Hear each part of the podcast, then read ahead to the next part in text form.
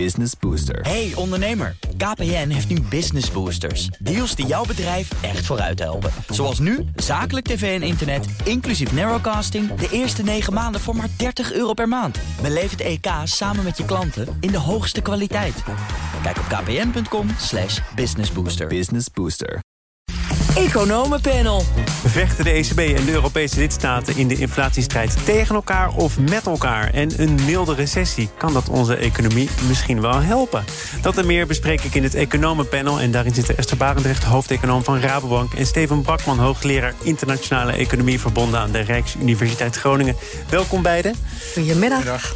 De Europese Centrale Bank verhoogt de rente met 75 basispunten... met als doel de inflatiecijfers te dempen. En volgens de Europese rekenmethode werd vandaag bekend... bedraagt die in Nederland over de afgelopen maand zo'n 17% en in Europa breed meer dan 10% bijna 11% Het is de derde keer dat de ECB de rente verhoogt in een korte tijd... en daarbij gaat de ECB de lidstaten stimuleren... om uitstaande leningen ook nog sneller terug te betalen.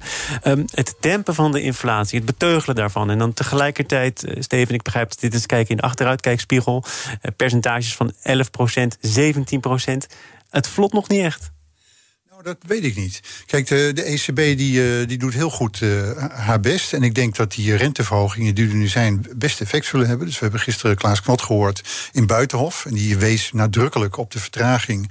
die aan het beleid vastzit. En dat denk ik dat hij gelijk heeft. Dus die effecten die, die komen nog wel. Dus ik ben daar niet zo bang voor. Maar het andere is, je, noemt nou die hele dramatische inflatiecijfers. Ik denk dat we daar ook iets positiever over kunnen zijn. Dus de, het CBS die werkt nu aan een nieuwe methode... waarbij ze die energieprijzen wat realistischer meenemen in de inflatiecijfers. En dan is de verwachting eigenlijk dat ze tussen de 6 en de 9 procent uitkomen. Nog steeds heel hoog, uh, maar toch een stuk minder... dan die alarmerende cijfers die we nu horen. Dus ik denk dat het wat dat betreft wel meevalt. Klaas Knot, ik heb uiteraard ook gekeken. Gisteravond in Buitenhof zei dit is de eerste helft. Het einde van de eerste helft. Esther, wacht maar. Er komt nog een tweede helft en dan gaan we even uit een ander vaatje tappen. Welk vaatje is dat? Ja, nou, hoe hij het uitlegt, hè, is van eigenlijk uh, de ECB die uh, heeft natuurlijk heel ruim monetair beleid gevoerd. Uh, dus eigenlijk juist de economie gestimuleerd. En dat wordt nu afgebouwd. Nou, en dan uh, denken economen dat je op een gegeven moment uh, op een neutrale rente komt. Dus dat de, dat de rente niet meer de economie verder stimuleert. Heel even en, goed dat je dat zegt. Op ja. dit moment is er nog altijd sprake van, zij het licht, maar toch nog altijd ruim monetair beleid. Dat evenwicht is nog niet bereikt. Ja, waarschijnlijk wel. Want dit zijn allemaal dingen die we niet kunnen meten, maar moeten inschatten. Hè? Dus ja, je weet het nooit helemaal precies. Maar dat is, dat is nu de inschatting inderdaad. En dan is dus, en hij zei dus de tweede helft, om in sporttermen te blijven. Dat is dan gaan, gaat de ECB ook nog wat verkrappen. Ja, en dat heeft consequenties, namelijk een afkoelende economie, wellicht. Um, ja, dat, uh, wellicht. dat klopt. En het is natuurlijk interessant, omdat ja, wij, wij denken eigenlijk dat de economie uh, ook nu al uh, gaat afkoelen. Hè. Dus in de eurozone uh, nou ja, zie, je, zie je daar ook zeker wel wat tekenen van. En onze verwachting is dat dat eigenlijk vanaf dit kwartaal, dit vierde kwartaal van dit jaar, nou, ehm, wel tot krimp zou kunnen leiden. Um, en dan wordt het natuurlijk heel interessant van ja, wat gaat dan vervolgens dat krappere monetaire, monetaire beleid daar bovenop nog doen? Hè? Ja, ja. Ik, ik zie toch enige aarzeling, denk ik, te zien bij Steven. Nou ja, ik vind, uh, er wordt nu heel zenuwachtig gedaan over die rentestijging. En dat uh, de ECB en ook in, kijk naar Amerika, dat die uh, monetaire verhoudingen nu sterk verkrapt worden, dat is helemaal niet waar. Dus als je naar langere reeksen kijkt, er zijn hele mooie lange rentereeksen gemaakt. Uh, van de kapitaalmarktrente en ook van de hypotheekrente. Dan zie je eigenlijk dat we, uh, nou ja, op zijn best in wat normale, maar heel gematigde omstandigheden terecht zijn gekomen. Dus die rentestanden, als je wat langer terugkijkt, dus niet alleen de afgelopen vijf jaar, misschien de afgelopen tien jaar, dan zie je eigenlijk dat die rentestanden uh, heel gematigd zijn. Dus in dat opzicht valt die, die afremming wel mee waar iedereen van schrikt, is dat de rente überhaupt omhoog gaat. Dus we zijn uh, de afgelopen tijd, een beetje bijziend is dat, zijn we gewend geraakt aan lage rentes. Uh, de ECB verhoogt dat nu, ook om de situatie wat te normaliseren. Maar dat doet ze eigenlijk nog heel beperkt. En hetzelfde geldt voor de Verenigde Staten. Dus als je kijkt naar de rentestanden zoals die eind jaren 70, begin jaren 80 van de vorige eeuw waren. Ja, dan, dan praat je over rentestanden, hypotheekrentes van 15% Maar was dat normaal? Het antwoord daarop is toch ook nee? Totaal niet. Maar als je kijkt naar die zes. Ik heb toevallig net een reeksje zitten bekijken. op weg hier naar de studio. Uh, van 60 jaar hypotheekrentes. Nou, dan zie je eigenlijk van, dat van die 60 jaar. de 10 jaar zitten we zo. Uh, ja, iets onder die 4% En de afgelopen jaren zitten we daar fors onder. Maar eigenlijk is uh, de situatie zoals die nu is. is betrekkelijk normaal. Maar dat is dus een uitnodiging voor de ECB om nog even door te gaan. om inderdaad aan die tweede helft te beginnen. En even voorzichtig af te wachten. Want we kijken ook aan tegen uh, waar iedereen nu op wijst. Hè, Esther ook. Dat de, de pinbetalingen lopen wat terug. Dus de ECB wil ook niet te veel doen. En dat is de moeilijkheid voor een centrale bank. En dat is ook waar Klaas Knot gisteren op wees. Dat die vertraging, die is anderhalf tot twee jaar. Nou, wacht dat even af. We zitten nu met een uh, bijzondere omstandigheid dat een heel groot deel van die uh, hoge inflatie wordt eigenlijk veroorzaakt door Poetin. Daar kan de ECB eigenlijk heel weinig aan doen. Dus wacht nou even rustig af. De huizenmarkt die, die koelt af hè, door die hogere, uh, ietsje hogere hypotheekrente. Dat betekent ook dat mensen minder meubels Steven Brakman doet gewoon het hele panel in één antwoord. Gaan we toch even een stokje voor over, over wat de ECB kan doen en het effect daarvan. Klaas Knot werd inderdaad ook gevraagd. Nou ja, je kunt de rente wel verhogen, maar de oorzaken van die oplopende inflatie liggen heel ergens anders. En hij moest er wel toegeven. Ja, dat is voor een deel zo, maar dit is waar we het mee moeten doen. Welk effect heeft het dan inderdaad, die renteverhoging? Nou ja, die zorgt eigenlijk voor uh, moeilijkere financieringscondities hè, voor mensen die geld willen lenen. Uh, of dat nou huishoudens zijn of bedrijven. En op die manier werkt dat door in de economie. En het klopt, hè, dat is natuurlijk de kan, dat is het instrument van, van, uh, van centrale banken. Tegelijkertijd moeten we ook. Ehm, niet vergeten, er zijn natuurlijk wel andere dingen die we kunnen doen niet meteen, maar die kosten tijd. Namelijk om minder afhankelijk te worden van die fossiele energie uit landen waar we een moeilijke relatie mee hebben. Het schijnt te gebeuren. Hè? Het Internationaal Energieagentschap was zowaar enigszins hoopvol in de laatste outlook. Historisch keerpunt bereikt, wellicht. Ja, nou, je, je ziet het, het. Er zijn natuurlijk allemaal veel kritischer op ons energiegebruik. En dat is denk ik op zich iets heel positiefs. Het is wel heel vervelend als je dat doet onder druk van... ik kan uh, financieel het einde van de maand niet halen. Maar ik denk dat het goed is dat we allemaal zo kritisch worden. En intussen moeten we ook in Nederland... Ja, die energietransitie gewoon heel erg veel vaart achter zetten. En dat is overigens veel meer dan alleen maar zonnepanelen op alle daken... Uh, en windmolens. Maar dat vraagt ook dat we ons hele netwerk daaraan aanpassen... en dat we heel goed nadenken over hoe dat energiesysteem van de toekomst eruit moet zien. Toch nog even terug naar die eh, renteverhoging, eh, Steven. Want uh, je hoort ze al zuchten in landen als Frankrijk. Macron heeft er het een en ander over gezegd. Italië zegt het is een overhaaste beslissing. Portugal is ontevreden. Uh, ik las in de nieuwsbrief van Martin Visser, ook lid van dit panel. Het is toch hoogst ongebruikelijk dat prominente politici al zo snel na dat rentebesluit laten weten dat ze er eigenlijk niets in zien. Dat het hen in de wielen rijdt. Um, en, je komt het vaker tegen hè? in het Verenigd Koninkrijk natuurlijk de afgelopen periode. Klaas Knot, die gisteren toch ook weer zei alsjeblieft, overheid, eh, compenseer wat minder, wat minder royaal. Politiek eh, enerzijds en die centrale banken anderzijds, die lijken steeds verder uit elkaar gedreven te worden. Is dat mijn interpretatie of zie je het ook zo? Nou, ik, ik vind uh, de reactie van die zuidelijke landen, de, de landen in Zuid-Europa, die verbaast me niet zo erg. Die, die hoort erbij? dat, die horen erbij. Dus traditioneel zijn die altijd wat kritisch op renteverhogingen. En dat komt ook deels omdat zij uh, de over, overheidsfinanciën wat meer uh, wat, wat liberaler bekijken dan uh, Duitsland en Nederland. En dat wordt dan afgestraft op de kapitaalmarkt. Afgestraft in de zin dat de rente daar wat hoger is als je het vergelijkt met, uh, met Noord-Europa. Dus dat is eigenlijk een vrij normale reactie en dat hoort er inderdaad bij. Dus daar ben ik niet zo bang voor. Maar ik denk dat het goed is om je te realiseren dat de ECB. Um, ja, die moet niet op de stoel van nationale regeringen gaan zitten. Die heeft als taak om de, de inflatie in het eurogebied rond die 2% te houden. Nou, daar zijn ze nu mee bezig. Ze, ze wachten af of die renteverhogingen effect hebben. Nou ja, laten we dat afwachten. Maar ze gaan geen beleid voeren in de richting van Frankrijk of Italië. Of dat zouden ze in ieder geval niet moeten doen.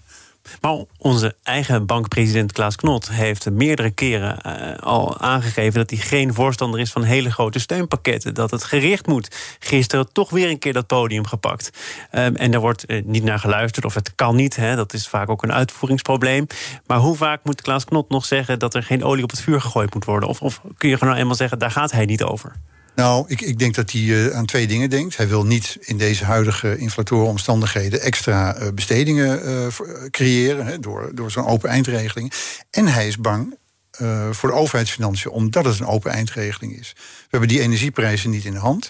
Dus als jij gaat compenseren als staat tussen de, de afgesproken prijzen voor gas en de marktprijs. Ja, dat is een, een heel onduidelijke situatie. Je weet dan niet hoe, hoe het begrotingstekort zich gaat ontwikkelen. Nee. En daar is Klaas Knot heel erg op tegen. Die wil, die wil goed kunnen voorspellen van met dit beleid wordt dat het tekort en daar ben ik het wel of niet mee eens. Ja. En je vraagt hè, van hoe vaak moet hij nog de barricade op? Ja, ik dat, de- dat heb ik het idee dat hij dat aan het doen is Nou namelijk. ja, en, en het blijft ook actueel natuurlijk. Want al met al, hè, dit is nu als afgekondigd als tijdelijke re- regeling, dat steunpakket.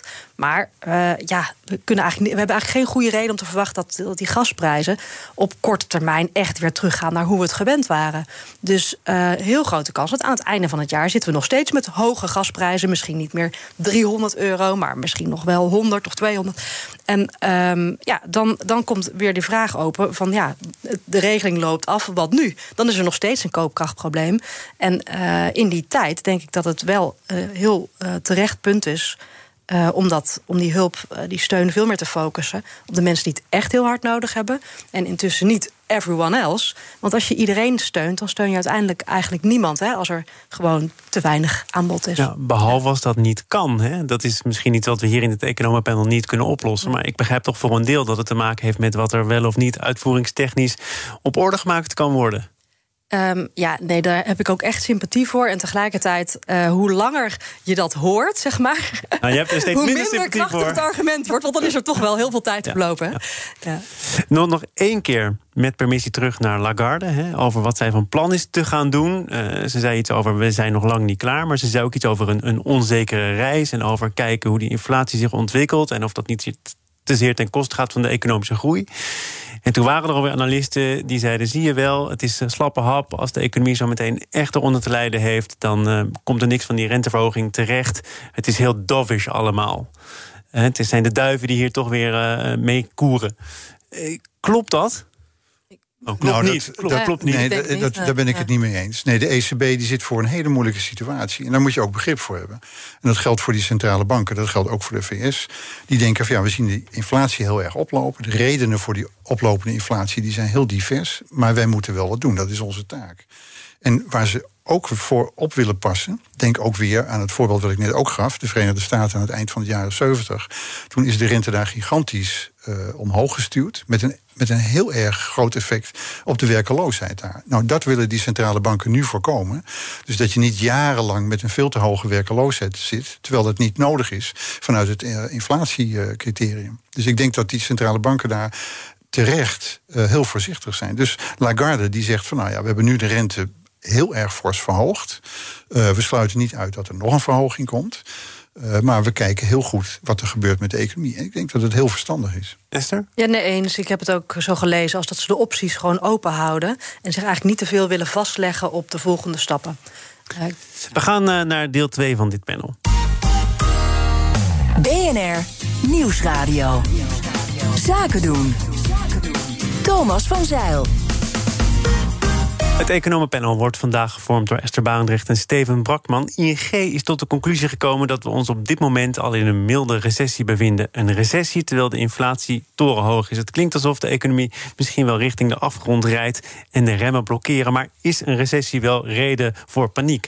Ik beloof je volgende keer nodig hem gewoon uit, die Klaas Knot. Maar die zei bij Buitenhof, de Nederlandse economie kun je ook vergelijken met een hotel. Hij was nogal van de beeldspraken. Eh, er, worden 103, eh, er zijn 103 eh, gasten, maar er is maar plek voor 100. Dus het is eigenlijk wel goed dat die economie afkoelt. En eh, werkgelegenheid, maak je maar geen zorgen. Er zijn wel mindere momenten om je baan kwijt te raken. Is hij daarmee iets laconiek of heeft hij gewoon volkomen gelijk, Esther? Nou, ik denk dat de Nederlandse economie echt een sterke uitgangspositie heeft. En een hele belangrijke daarin is de arbeidsmarkt. Dus daar, die is ontzettend krap. Dus iets meer ruimte op de arbeidsmarkt kan niet zoveel kwaad. Ehm, en daarnaast hebben we ook een overheid met, met overheidsfinanciën... waar nog steeds veel ruimte is om dingen te doen... en eigenlijk te veel wordt gedaan. Dus, ehm, dus ik denk inderdaad van de uitgangspositie is best eh, sterk. Tegelijkertijd, ehm, bij een recessie is natuurlijk ook wel de vraag... van ja, hoe diep gaat die zijn en hoe lang gaat die duren? Daar zeggen en ze die over. en die onzekerheid, dat is natuurlijk toch een soort onprettig iets... eh, voor iedereen die ermee te maken heeft. Ja, Ja. dat is wel zo voor iedereen die er wat mee te maken heeft. Wilde je wat anders zeggen, Steven? Nou, ja, ik, ik ben ietsje positiever, gek genoeg. Uh, dus die rente die stijgt, de mensen worden zenuwachtig... het consumentenvertrouwen is heel erg gedaald. Uh, ik, ik ben daar niet zo bang voor. De, de relatie tussen consumentenvertrouwen... die nu heel erg uh, onderuit gegaan is... en de bestedingen, die is heel los. Dus daar kun je eigenlijk niet zoveel conclusies... Nou, ik geloof wel dat er minder wordt gekocht... maar de omzet nog niet heel erg daalt... omdat de zaken nu eenmaal duurder worden. Dat, dat, klopt. Maar als je kijkt naar het producentenvertrouwen, een veel belangrijker maatstaf. Omdat dat zijn echt bedrijven die naar hun ordeportefeuille kijken. Dus dat valt eigenlijk heel erg mee. Dat, dat is niet zo uh, somber en dat verandert ook niet zoveel. Dus ik denk dat het heel erg, erg meevalt. En ik vind de beeldspraak van Klaas Knot vind ik een hele goeie. Kijk, dat de, dat de economie wat afremt. Je moet het eigenlijk vergelijken met een bedrijf die 100 vacatures heeft. Nou, en nu loopt het ietsje terug. Dan hebben ze geen 100, maar 30 vacatures. Maar ze staan nog steeds te springen om, om mensen. Dus eigenlijk op dit moment moet je het volgens mij meer zo zien. Ik heb wel het idee dat heel veel media hetzelfde idee hadden. Namelijk, we gaan eens rondkijken bij pakhuizen. Daar pelt het uit. Bedrijven die, zo lijkt het, van hun voorraden af moeten. Wat zegt dat over de economie? En als het zo is dat die voorraden zo meteen toch echt aan de man of de vrouw moeten worden gebracht, dan moet het tegen een lagere prijs. Ja, maar ook daar denk ik dat het overdreven wordt. Dus als je nu een eh, warmtepomp bestelt, dan moet je ook anderhalf jaar wachten voordat het ding komt. Nou, als die pakhuizen wat voller liggen, moet je misschien eh, drie of vier maanden wachten. Dus dat ook dat normaliseert dan wordt. Dus ik ben daar niet zo, zo heel somber over. Misschien vergis ik me dat als de rente weer verder stijgt in december, dat het, dat, dat het er hard onderuit gaat. Maar op dit moment uh, verwacht het CPB volgend jaar nog groei. Durf bijna niet te vragen, uh, Esther, maar zou Steven zich kunnen vergissen? Um... Ik vind niet. Steven vindt van niet. Nee, kijk, ik denk wat, wat belangrijk is hier... van wat gaat eigenlijk de vraagkant van de economie doen? En wij zien ook al voorzichtige signalen... dat het niet alleen, uh, hoe noemen we dat... Uh, dus dat eigenlijk consumenten wel degelijk een beetje minder geld gaan uitgeven. En dat duidt toch wel op vertraging. En als dan die pakhuizen al vol liggen, dan zou dat als die trend zich doorzet, nog een beetje voller kunnen raken. Maar ja.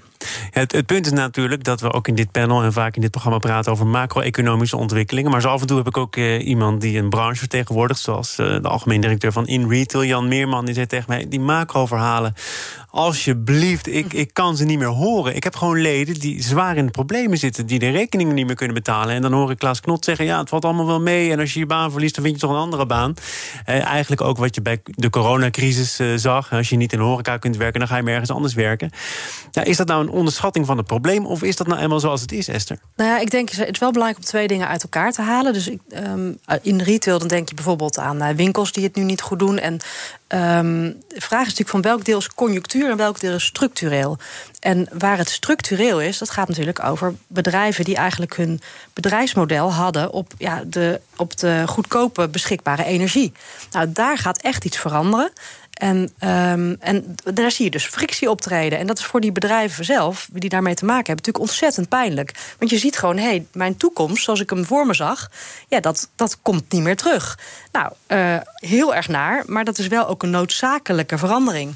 Dus, um, dus natuurlijk kost dat ontzettend veel leed voor degene die het betreft.